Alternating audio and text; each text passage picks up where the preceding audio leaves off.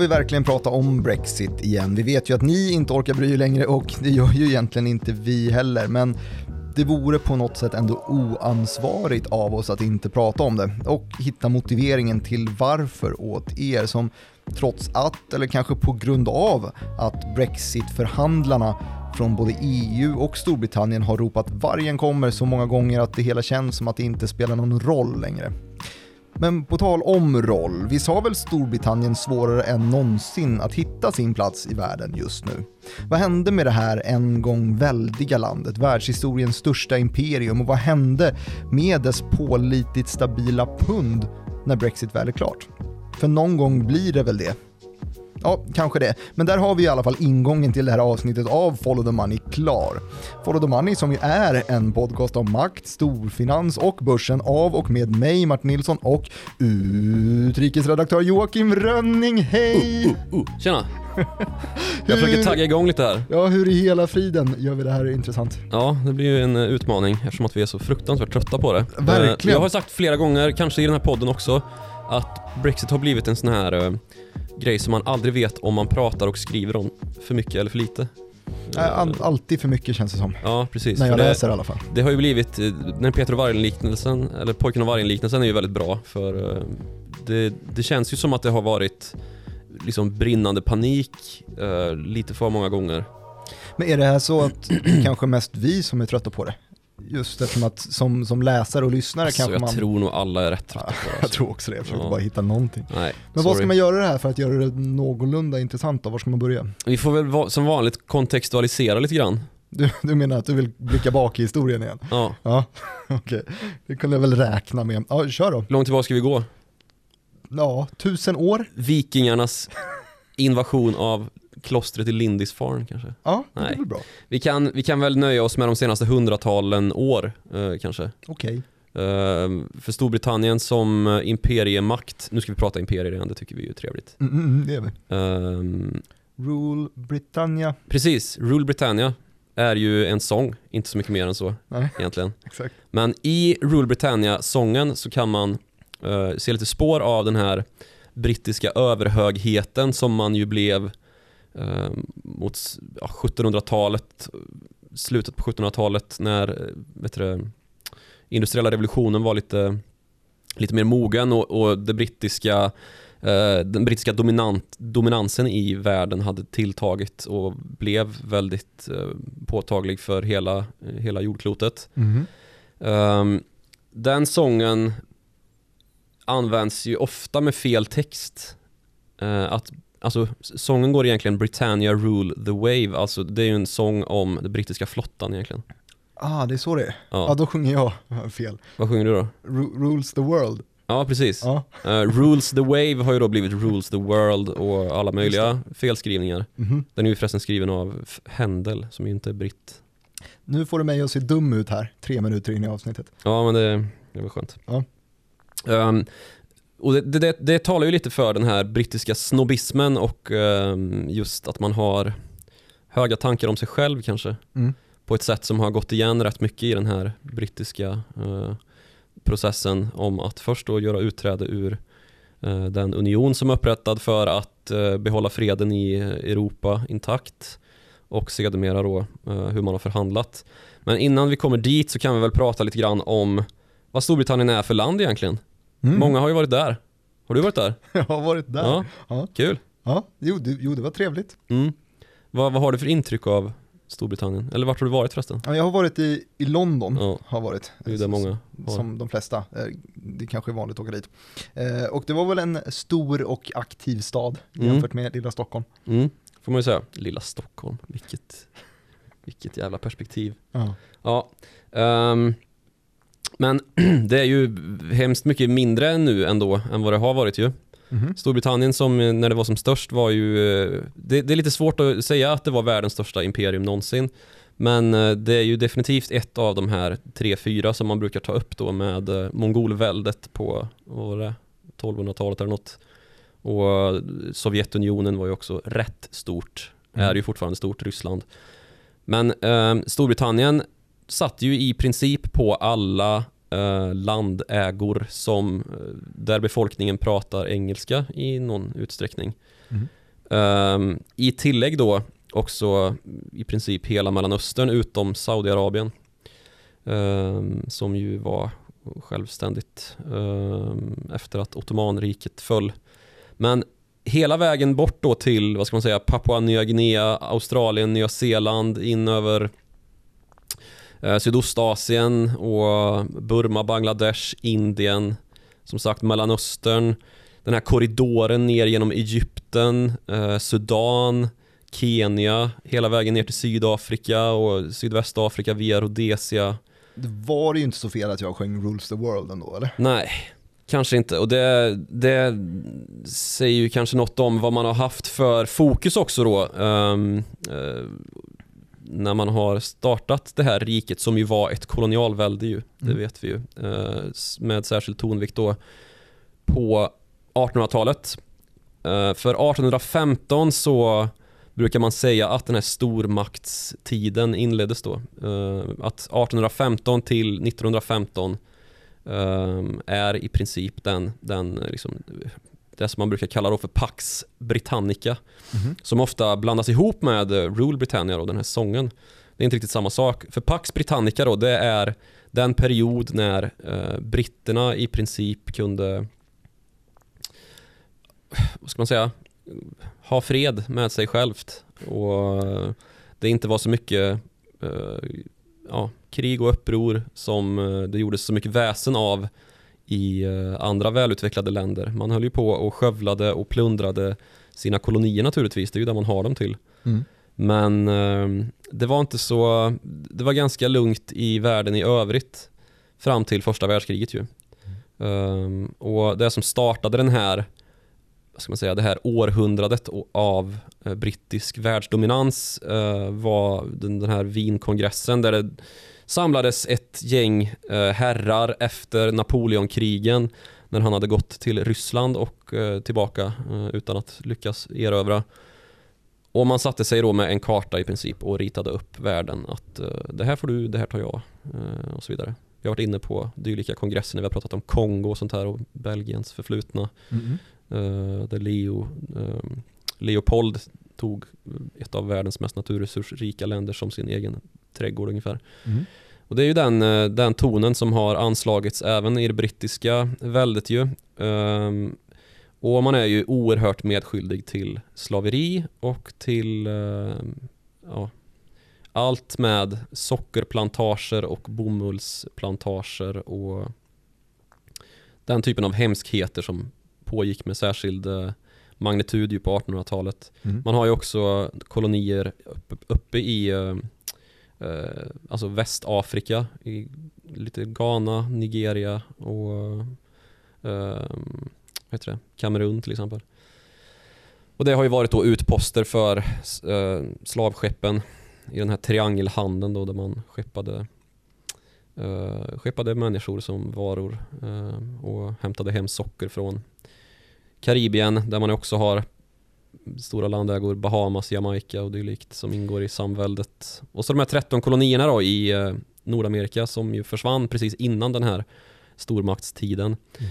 Men ehm, Jag börjar bli, bli ganska, ganska glad över att du inte började i änden vikingatiden, utan att vi Ja. ändå tog, tog det det- någorlunda närtid. kan du säga att vi gjorde det nu?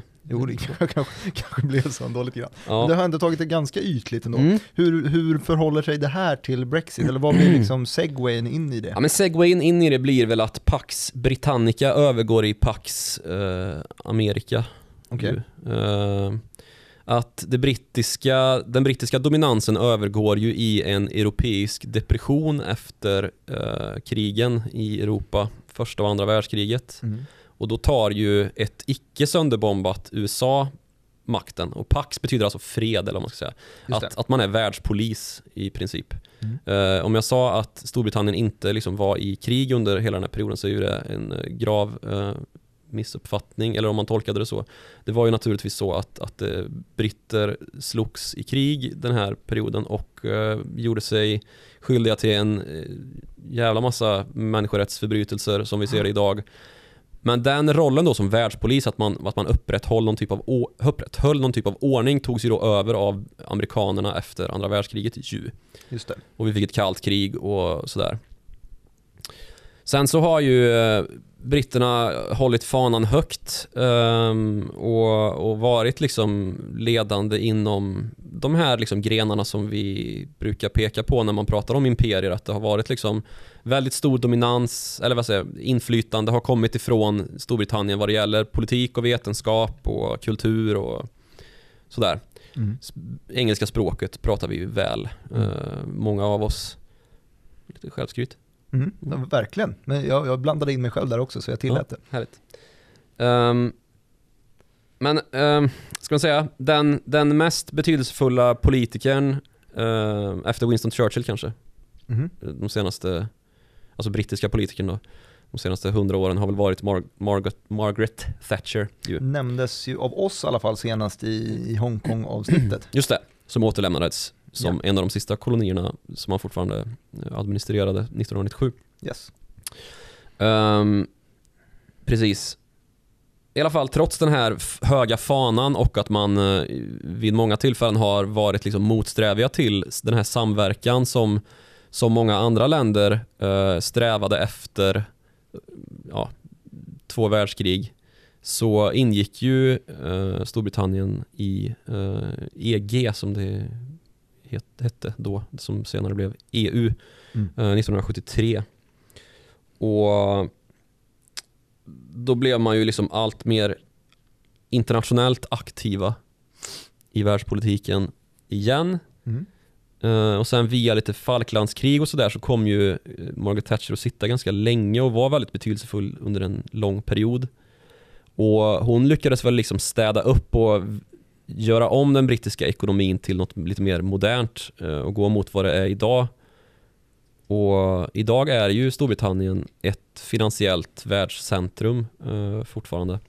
Det är det faktiskt. Trots då att man inte har så mycket eh, Det är väl det det har varit mest fokus på, det ska vi kanske komma in på lite Ja. senare också, men kring just vad man eventuellt förlorar vid, vid Brexit, så det, eh, det, som, det som dök upp först var just den här väldigt viktiga finanssektorn, att alla storbankerna sitter i London just. mm, Och om vi får ett Brexit, eh, betyder det att de här, eh, deras ställning hotas? Är det något annat land som ska ta över det? Blir det Frankrike då? Blir det Tyskland? Eller blir det Polen som vi pratade om i förra avsnittet Mm. eller någonting? Eh, något annat eh, land Mm. helt enkelt. Mycket fokus på det.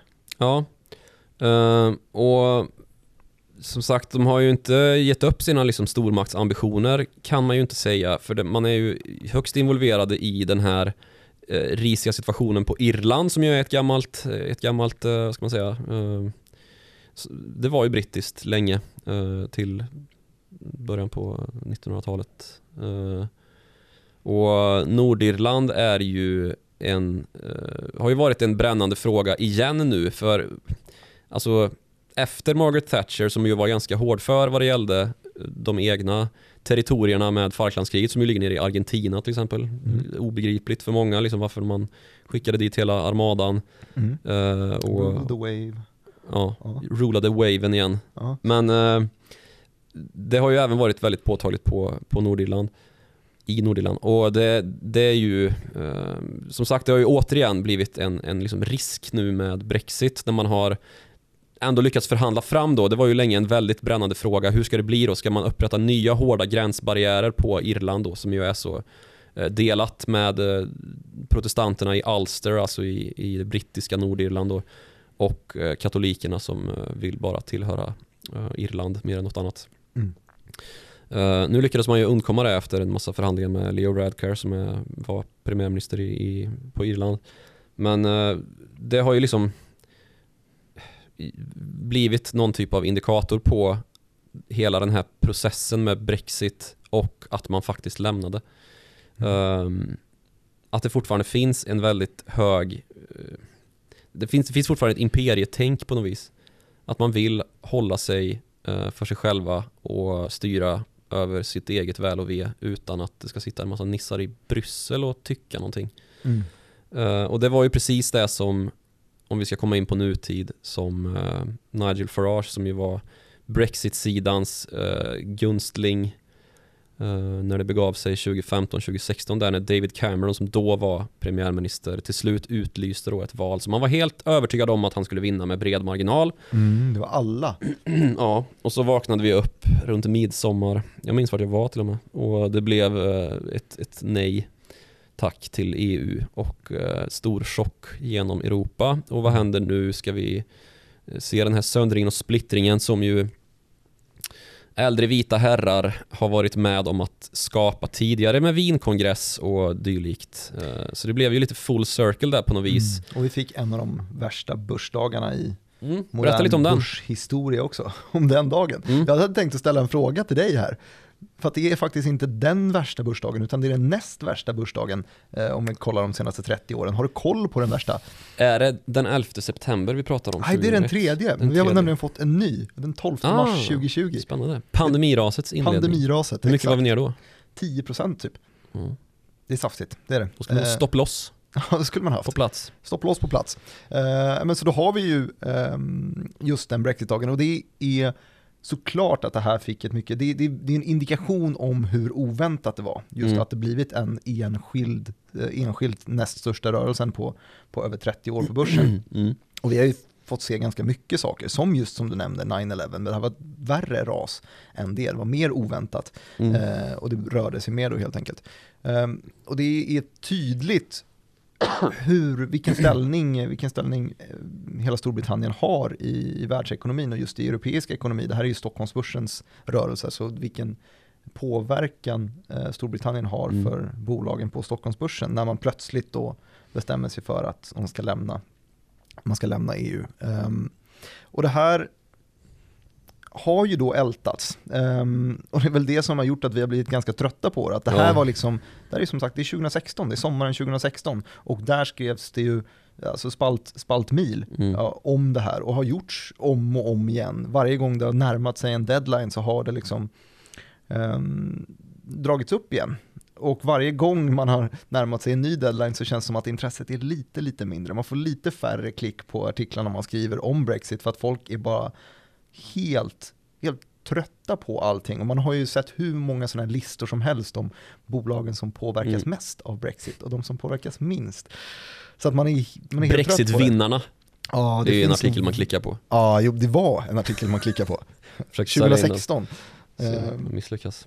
Verkligen. Men därför ställer jag mig då kanske lite frågan varför, varför tar vi upp det här nu? Och vad, vad är i fokus hur långt har vi kommit sedan 2016? Men grejen är att det känns ju som att vi inte har kommit någonstans. Är det det och det är nyheten? liksom dagar kvar tills det här ska ske. Ja. Men man får ju skilja lite på deadlines och deadlines ju. För nu har vi ju haft, som sagt, 100 miljoner olika deadlines som det har ropats vargen är här kring. Mm. Ehm, och sen så har det blivit ett, jaha, en framskjuten deadline, en liksom helt uppryckt deadline som tydligen inte spelade någon som helst roll. Mm. Och nu när vi närmar oss då den slutgiltiga deadlinen som ju ändå är 31 december 2020 när Storbritannien till slut rycks ur det här eh, avtalet, eh, vad heter det, EES, Ja, exakt. eh, den inre marknaden för EU då, Mm. då är man borta sen.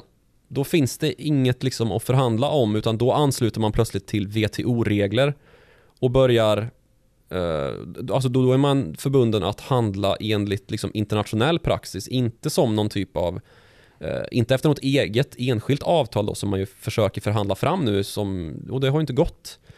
Men, men vad är det som, det här är alltså den ultimata deadlinen, vad är det som Ja. säger att det här inte skjuts fram till 31 mars 2021 istället? Därför att det är skrivet så. Eh, Det är de det är de reglerna man har att förhålla sig till eh, och har haft att förhålla sig till hela tiden. Mm. Eh, Att man, ut, man faller ur den in- interna marknaden just sista Det är en dagen deadline-igare 2020. deadline Ja, enkelt. det är faktiskt en hård deadline då. Aha. Sen så kan det väl mycket väl bli så att man eh, lyckas förhandla fram något konstigt ytterligare förlängningsavtal. Mm. Men det, det ser inte ehm, i nuläget i alla fall ut att bli så. Eh, och det har ju också använts som liksom att man eh, pratar om att det används som en förhandlingstaktik och skjuta på det så länge som möjligt. Mm.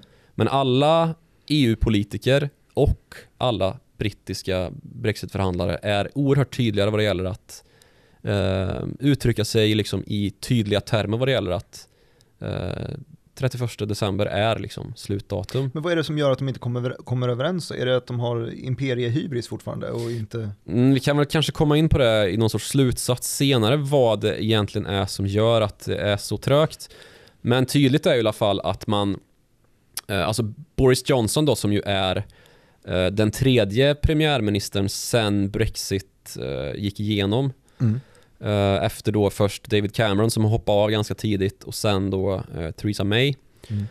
Boris Johnson har ju varit, ska man säga att det har ju varit ganska många som har påstått att han använder den här deadlinen som en förhandlingshävstång liksom. Ungefär som att EU behöver det här avtalet mer än Storbritannien. Det är de flesta överens om att så är det inte. EU är ju en mycket större ekonomi än vad Storbritannien är. Mm. Um, och någonting som han har hoppats på har också varit tydligt är att EUs hållning i frågan inte ska vara enhetlig hela vägen igenom.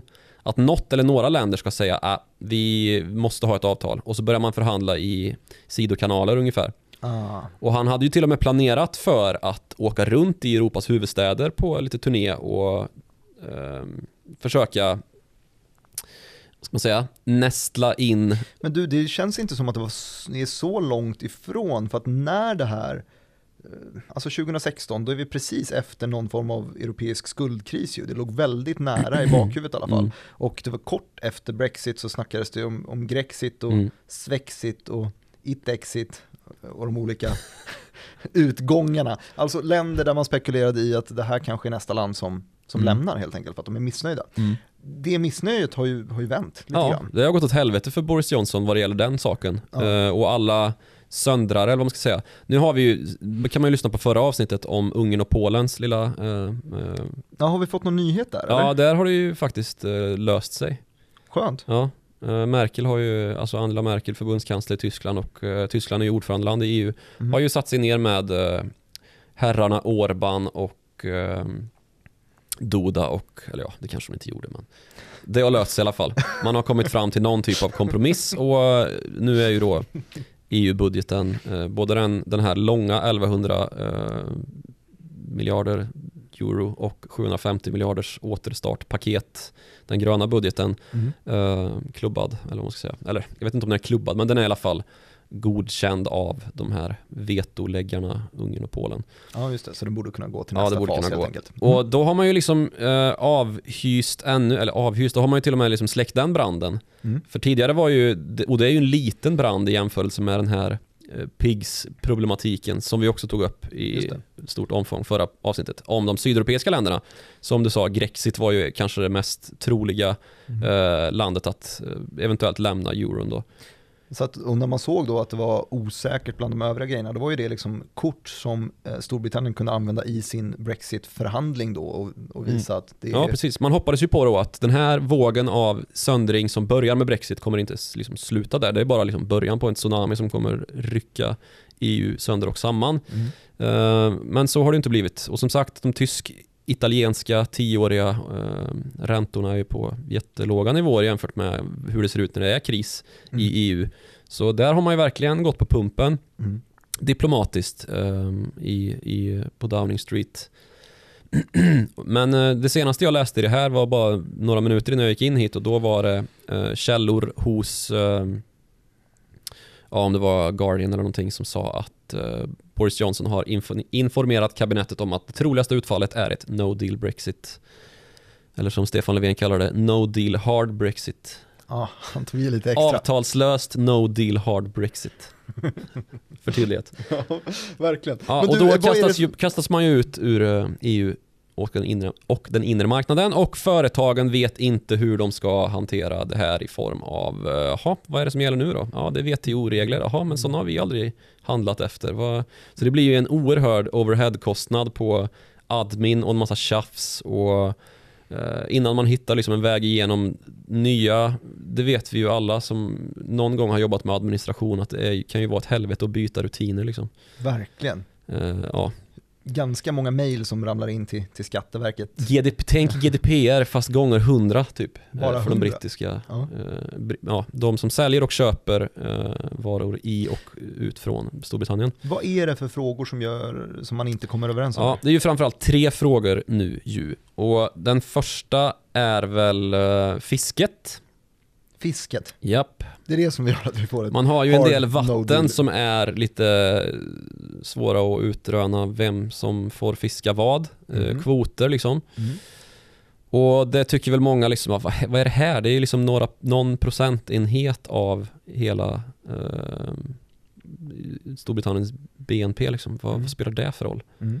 Man kan vi inte bara köra på som vanligt typ, men det vill man inte riktigt. Nej.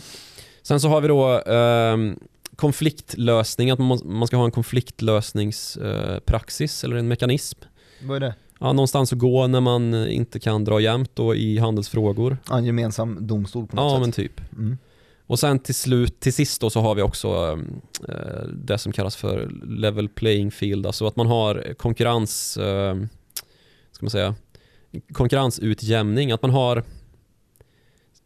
inte, inte gynnar inrikes, alltså att Storbritannien inte ska gynna eh, de egna bolagen. Mm. Eh, och då är det ju fråga om statsstöd man, man eh, lyfter som en farhåga då. Mm. Vilket kanske är lite lustigt eftersom att Frankrike har hållit på med sina statsstöd i Airbus. all evig tid ja, till? Mm. Airbus bland annat.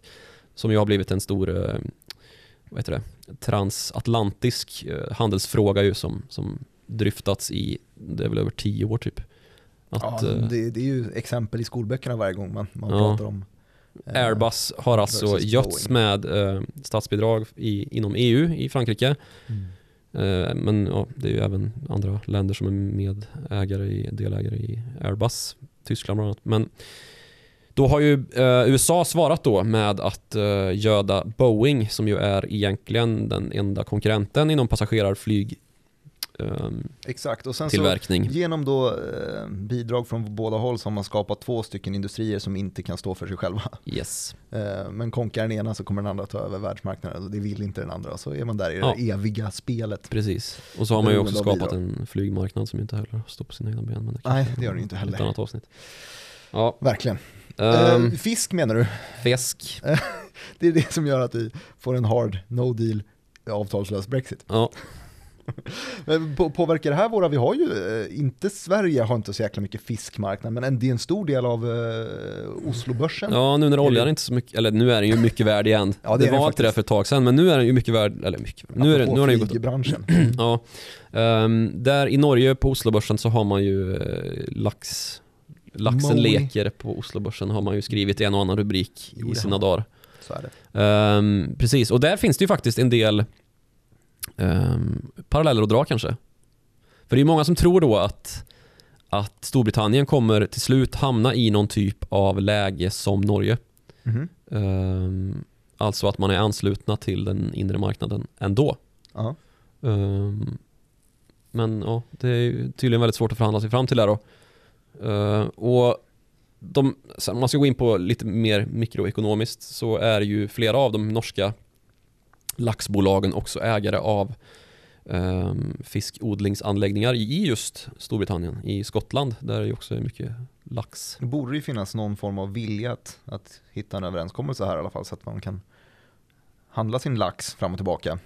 Om man nu äger delar i både, både Norge och i Du tänker att. Moe och Backafrost ska komma in och med, som Greek en räddande Seafood och ängel. Salmar. Ja, exakt. det vore nice. skulle man hoppas på. Det vore nice. Ja, men eh, det är väl de, de paralleller jag vill dra där. Okej. Har du några fler? Nej, nej. Eh, Jag tänker, jag tänker mer på eh, lite, lite vad vi hamnar i det här nu. Jag tänker att vi borde, borde klockrent få någon form av eh, eh, Mm. krystad börskoppling i den här eh, Ja. Brexit-sammanfattningen. Det kan, vi det kan vi väl eh, sk- skrapa fram någon. Ehm, men en ganska så dagsaktuell sak är ju att uh, Nent flyttar hem som en direkt konsekvens av Brexit. Va- Varför då? För att man inte har, eh, alltså för att kunna sända till ett EU-land, Nent är alltså tv och videostreamingbolaget, Som ligger bakom eh, Paradise Hotel bland annat. ditt favoritprogram. Absolut. Brev! Super. Ja. Ehm, Precis, Nanto ska flytta hem. Eh, Det är de som sänder TV3 bland annat. Ah, Stenbecks gamla det är gäng. kanske ett bättre exempel än Paradise Hotel. Ja, Mm. Det är väl lite bredare kanske. Mm, det är det. Men eh, de får då inte sända från Storbritannien in i Sverige längre. Det var ju Jan Stenbecks geniala drag att eh, vadå, får man inte sända reklam-tv i Sverige? Det får man väl kanske få om man sänder den från Storbritannien där man får det. Ja, det Så finns massa sådana där små han TV3. juridiska klammer som man, som man hamnar i om Brexit sker nu. Mm. Och, så då väl, väljer man ju att flytta hem till, eh, till Sverige och bevara sitt nordiska, svenska DNA. Mm. Och så har man ju en massa satsningar då på andra länder som ju också är EU-länder. Eh, Så det blir ju väldigt mycket enklare att ta hem huvudkontoret och eh, ja, nu får man ju sända reklam-tv här i Sverige också så det är ju inget problem. Men i övrigt så är det ju bara att fiska upp alla gamla alla gamla Brexit-artiklar som har radat de här. Det finns ju ganska tydliga Mm. såna här vinnarna som eh, Getinge och Trelleborg brukar lyftas och förlorarna Mm. är de här klassiska, ja men typ Volvo, framförallt nu om Ja. de inte kommer överens på, på någon konkurrenssida så kan det väl vara tydligt på Volvo, ehm, H&M Mm. Alltså man kan väl bara kort konstatera att länder som säljer mycket i Storbritannien men inte har så mycket tillverkning där just det. åker dit på Mm. en förlust av Brexit. Mm. Och dit brukar man också räkna då eh, SCA som ju har Svensk cellulosa. Svenska Cellulosa AB Mm. Aktiebolag. Eh, Stora Enso har också räknats dit, om det nu är svenskt. Är det svensk? Halvfinskt. Ja. Ja. Som jag. Ehm, ehm, sen så finns det väl några som man funderar lite på. Uh, Skanska är en sån, ganska mycket verksamhet där. Mm. Men också ganska så självständigt bolag och då kan man ju tänka sig också så här. Ja, det kanske blir en sättning i den brittiska ekonomin i och med Brexit och att man försöker ta sig ur den med hjälp av stora infrastrukturstöd så kommer ju det gynna Skanska så att det kanske blir en annan effekt än den direkt förutsägbara. Mm. Liksom. Eh, Handelsbanken, vet inte, har de mycket kontor kvar i... De hade ju det förut i alla fall, men Ja, de jag vände ju ganska för inte så länge sedan och sa att ah, det är kanske dags för oss att inte gå på den här expandera fysiska kontorlinjen som de har gjort lite för länge Den är lite förlegad. Ja, det märks väl på Ja. oktogonen sen också.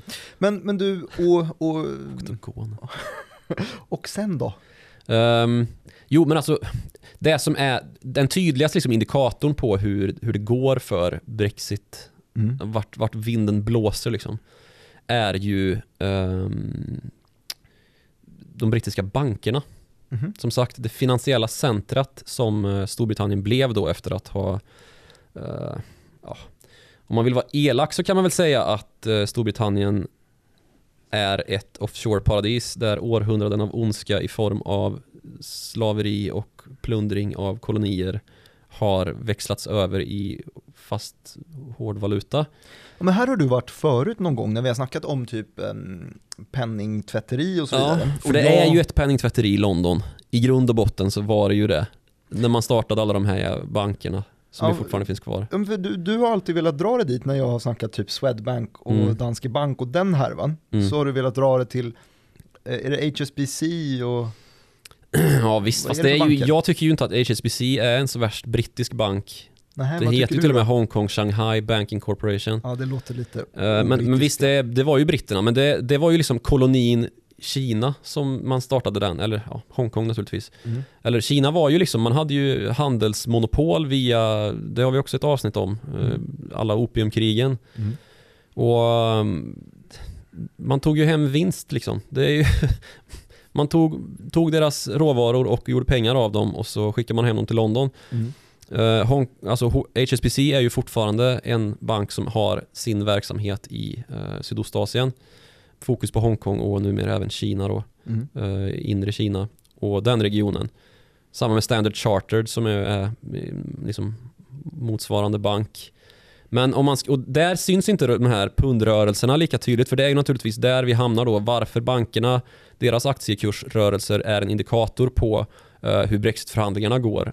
Eh, om vi är på väg mot ett avtal, Mm. bättre eh, alltså kurslyft. Mm. Om vi är på väg mot eh, avtalslös no deal brexit Ja, så faller kurserna ofta ganska rejält dessutom. ja. Det är ju för att bankerna i Storbritannien har de största tillgångarna av brittiska pund.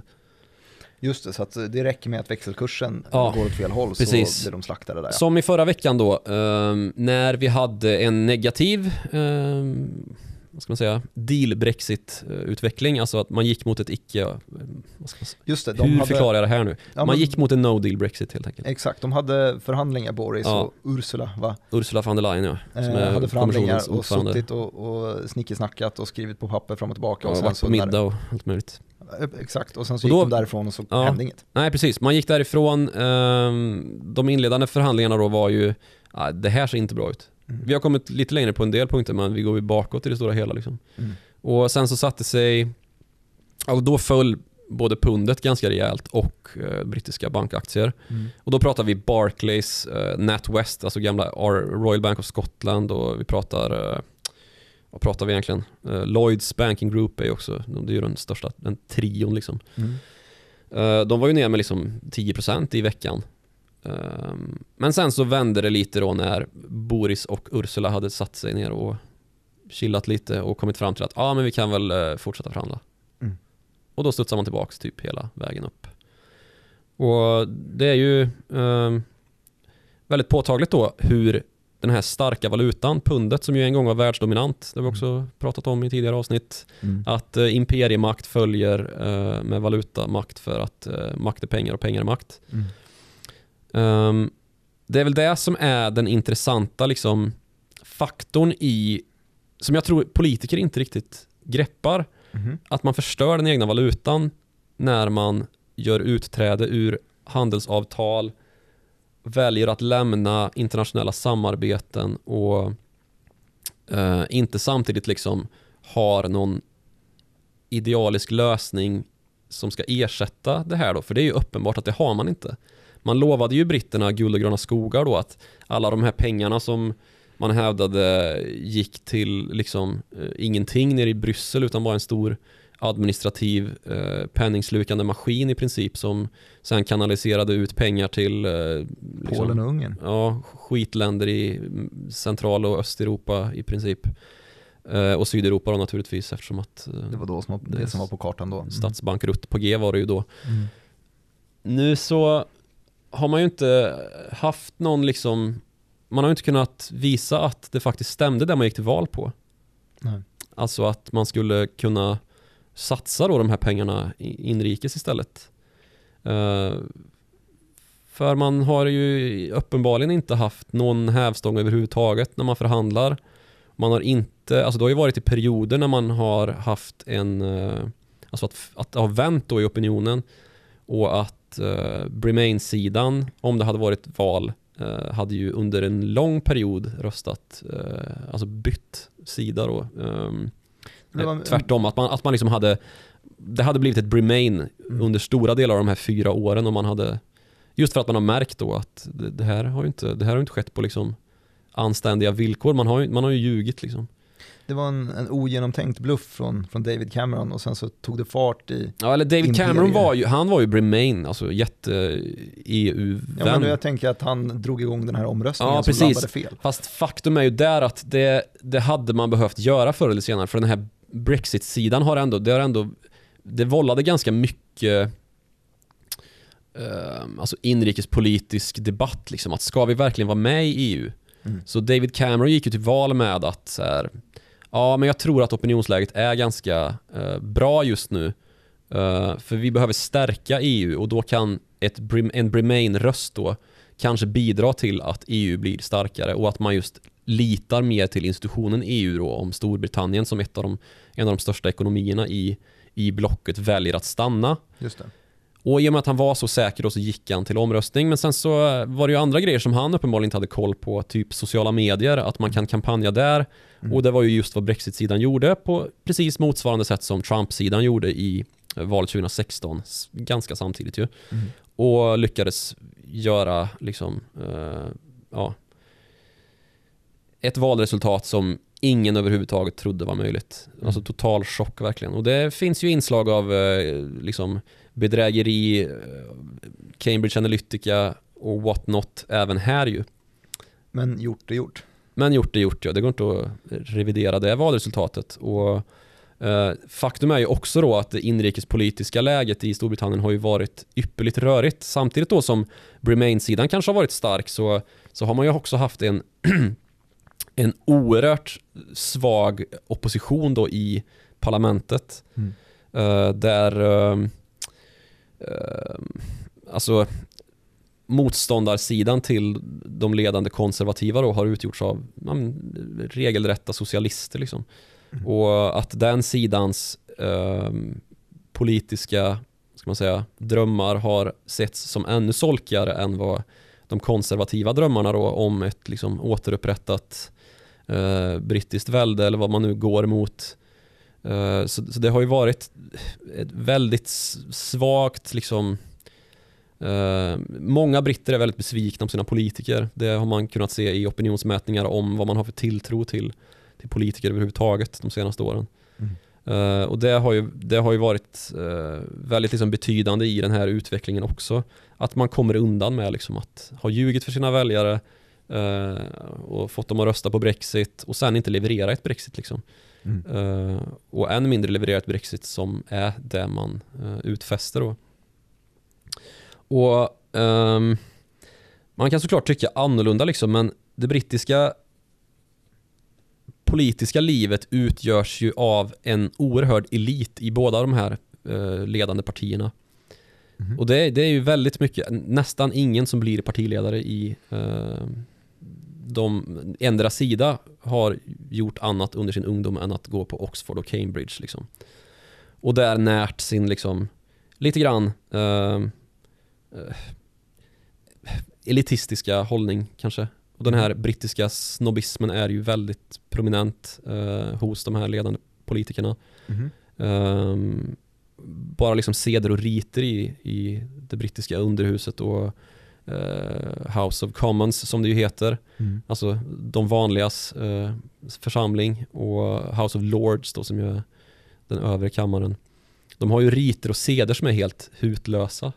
Mm -hmm. Och det, det, vet ju, det har ju alla sett liksom de senaste åren när man sitter och vrålar på varandra in i och alla ropar here, here. Så jäkla och, bra tv. Ja, det är riktigt bra tv, men, men det är ju också liksom ett sånt jävla skådespel. Mm. Som, det, som man blir lite äcklad av också. Order! Ja, precis. Order!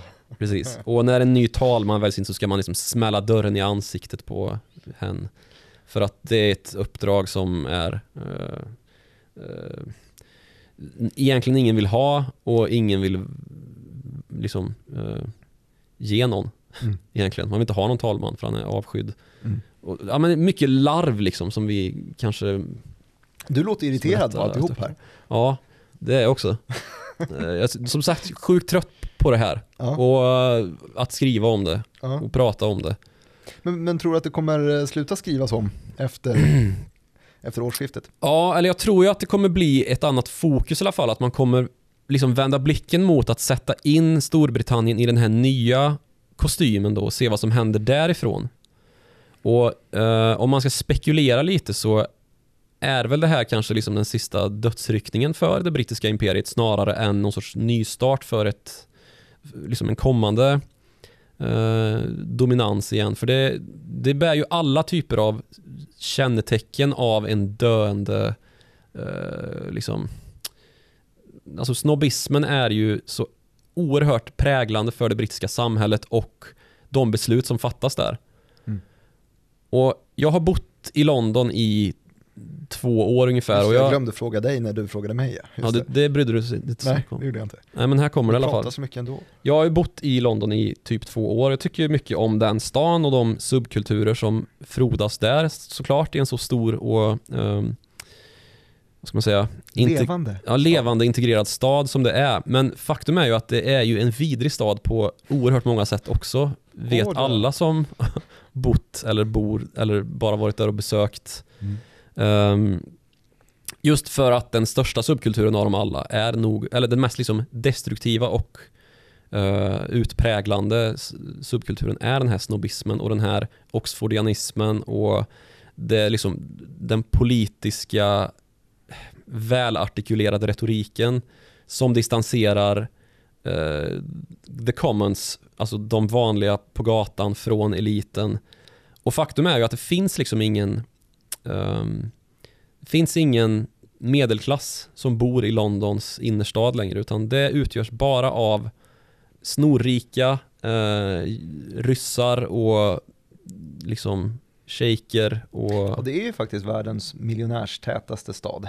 ja, eh, särskilt då i, i innerstaden i eh, liksom, Storstad ska sägas också, det finns säkert Ja, visst. Men liksom om man tittar på de här gubbarna, Boris Johnson, Jacob Rees-Mogg är en annan sån. Vem är det? Det är en ledamot som har fått väldigt mycket uppmärksamhet för att han har varit så, han är ganska fyndig och väldigt just välartikulerad Det och premieras ju det här. oerhört, alltså allt det här med liksom det oxfordianska är ju han.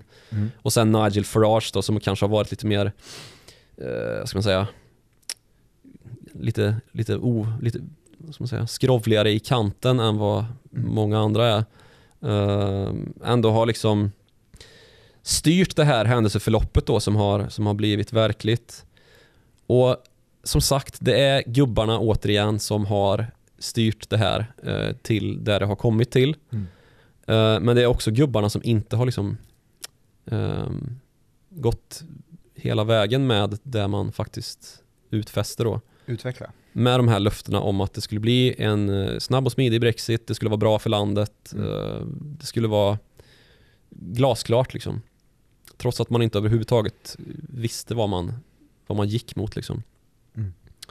Och ehm, precis som då många andra beslut eh, av dylika som har lett till ökad splittring, ökad nationalism, ökad osäkerhet och inte för så himla länge sedan öppet krig i eh, Europa.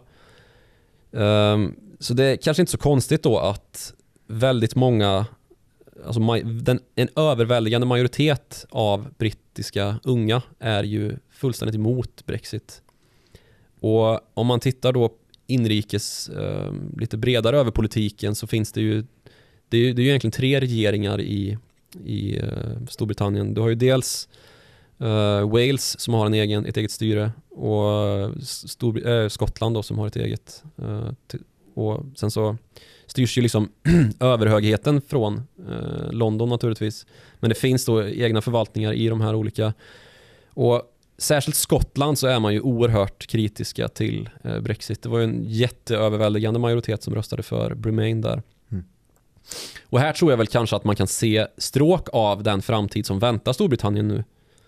Och om man ska fokusera lite på valuta så ehm, indikerar ju allt att Storbritannien förr eller senare kommer göra en ny omröstning, alltså folkomröstning om man ska eh, göra en egen liten UK-exit, alltså inte längre vill vara med i, eh, eh, alltså under, underställa sig brittiska regeringen då. Mm. Och eftersom att EU-vurmen där är så pass stark så lutar ju också det mesta åt att man kommer gå med i EU vad det lider. Du menar att, eh, att just Skottland och Wales eh, lämnar Ja, UK och snarare hoppar på EU? ja. och när man, nu är det ju också skrivet så då i rullorna att går du med i EU då måste du eh, förbereda dig för att också gå med i EMU. Och alltså anamma euron. Precis, Och, och, där då, försvagar vi pundet ännu mer. ja, precis, då stryper vi pundet helt plötsligt. Mm. Eh, och då är det bara England och eh, Nordirland som, som har kvar det där gamla pundet. Och med, kvar med Svarte Petter sitter Lloyds då, Då sitter Lloyds, Barclays och eh, NatWest. NatWest kvar med Svarte Petter på hand. Mm. Ja, ehm, Joakim Rönning, vi har, vi har snackat tillräckligt länge. Eh, Jag kan ju vara snäll nog att eh, försöka komma ihåg ungefär vad vi har pratat om och vi började på något sätt att försöka göra Brexit intressant igen. Och då backade vi tusen år eh, och började med vikingatiden och sen så gick vi igenom ett par olika imperier. Eh, och eh, du eh, eh, pratade om Britannia och jag sjöng om detsamma. mm, jättefint. Tack. Eh, både Rule, Britannia och Pax Britannica. Eh, och sen så snackade vi lite grann om, om pundet, om bankerna, vi snackade om Brexit som värsta börsdagen, eller ja, näst, Näst. värsta börsdagen, för den värsta, det var den 12 mars, alltså pandemi måndagen kanske det var, Covid-kaoset. covid-kaoset, eh, där vi torskade 10%. Ehm, och sen så försökte vi komma in på lite grann varför, varför nu? Varför snackar vi Brexit nu? Vi har ju kunnat göra det i fyra år om vi hade haft podd så länge, det har vi inte. Eh, och då gick vi lite in på betydelsen av olika deadlines. Vi har haft ganska många olika deadlines, men det här är deadlinesens deadline på något sätt, eh, den 31 december 2020. Får vi verkligen hoppas alltså. Men det som ligger kvar eh, och skaver i det här avtalet är fisk, sa du. Det är konkurrens och det är konfliktlösning. Alltså någon form av instans där man kan lösa konflikter. Eh, något sätt att kunna eh, se till att inte egna, egna mm, industrierna får en eh, fördel gentemot det som finns i EU och resten av världen. Och då eh, hur man gör med all lax.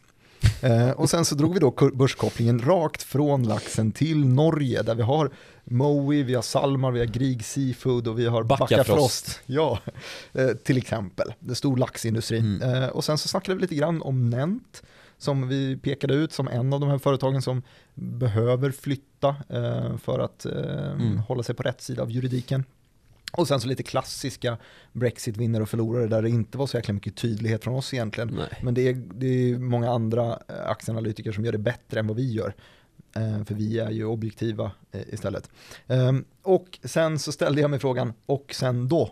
Eh, Och då landade vi in på, Lite o- kanske lite inte jätteobjektiva tankar om vad Brexit egentligen kommer föra med sig. nej, och där kan man säkert faktiskt öppna upp någon form av debatt och det gör man gärna genom att eh, mejla oss på followthemoney@direkt.se eller så skriver man i något av kommentarsfälten som dyker upp via mediet du lyssnar på oss på. Vi finns ju då på YouTube via YouTube-kanalen Direkt Studios och vi finns också på iTunes, på Acast och på Spotify och på alla olika eh, appar där man kan lyssna på podcasts och där heter vi då bara Follow the Money i ett enda ord. Och svinbra om ni gör det nu, för det gynnar oss. Verkligen, det, det är så man kickar igång alla, alla Ja. algoritmer när man skriver kommentarer. Så gör det.